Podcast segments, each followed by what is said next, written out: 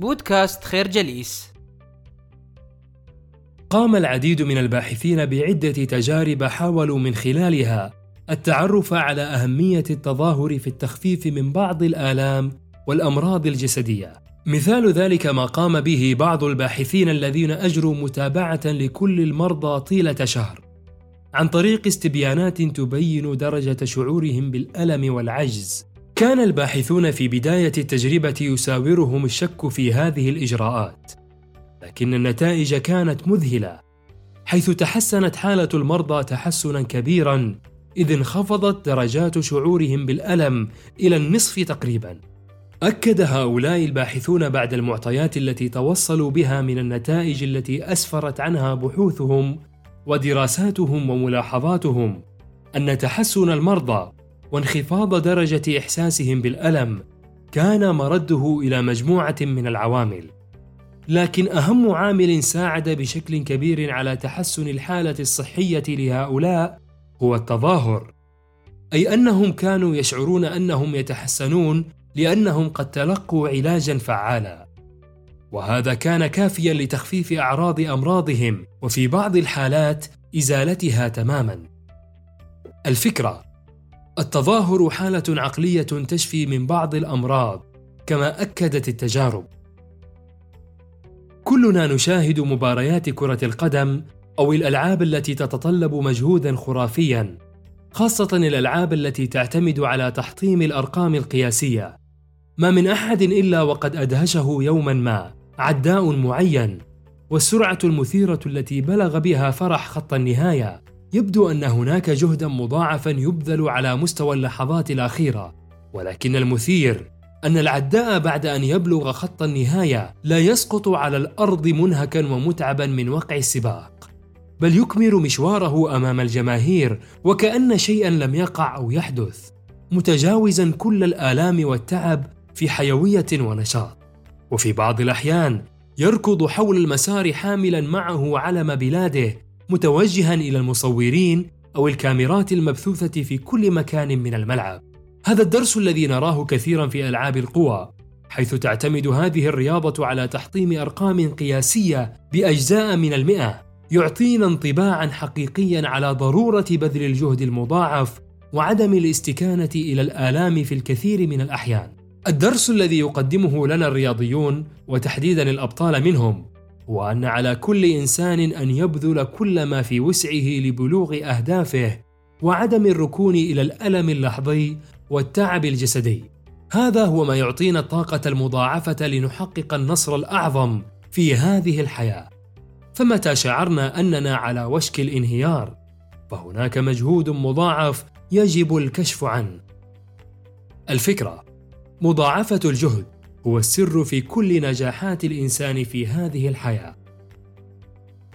كثيرون منا يظنون بأن الجسد وأمراضه منفصل عن حياتنا الفكرية والعقلية. فهذا أمر مجانب للصواب. إذ أن هناك تأثير وتأثر بين حياة الجسد وبين ما يتضمنه عقلنا من أفكار.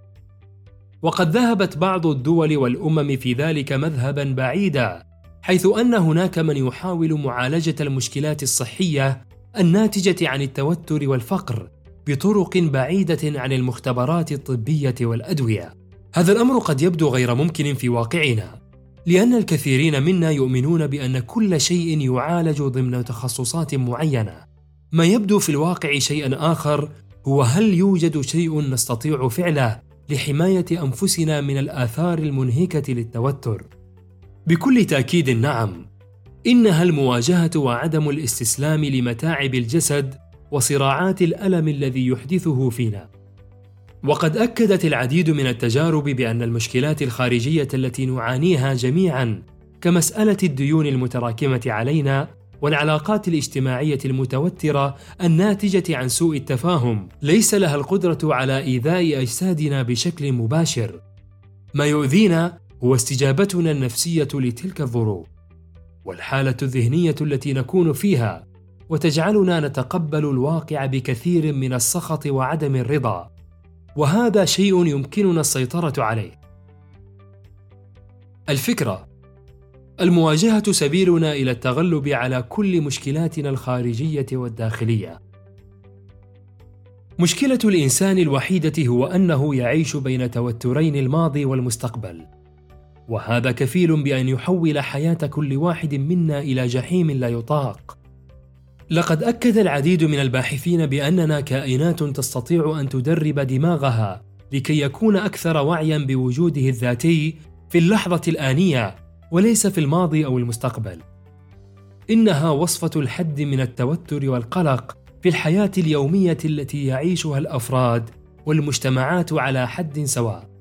يقول أحد الباحثين كلاما يلخص فيه كل هذا الواقع الموتور. حيث يرى بأن أغلبنا مشغول لحظة بلحظة، فلسنا واعين حقا إلى أين نذهب أو ماذا نفعل.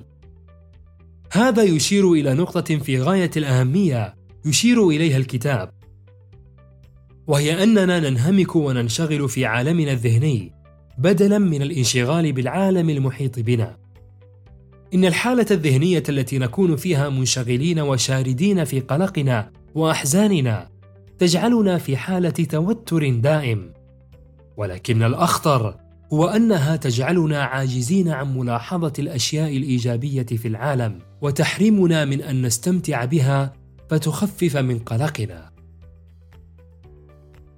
الفكرة الاستمتاع باللحظة تخفف من توتراتنا وقلقنا. نشكركم على حسن استماعكم.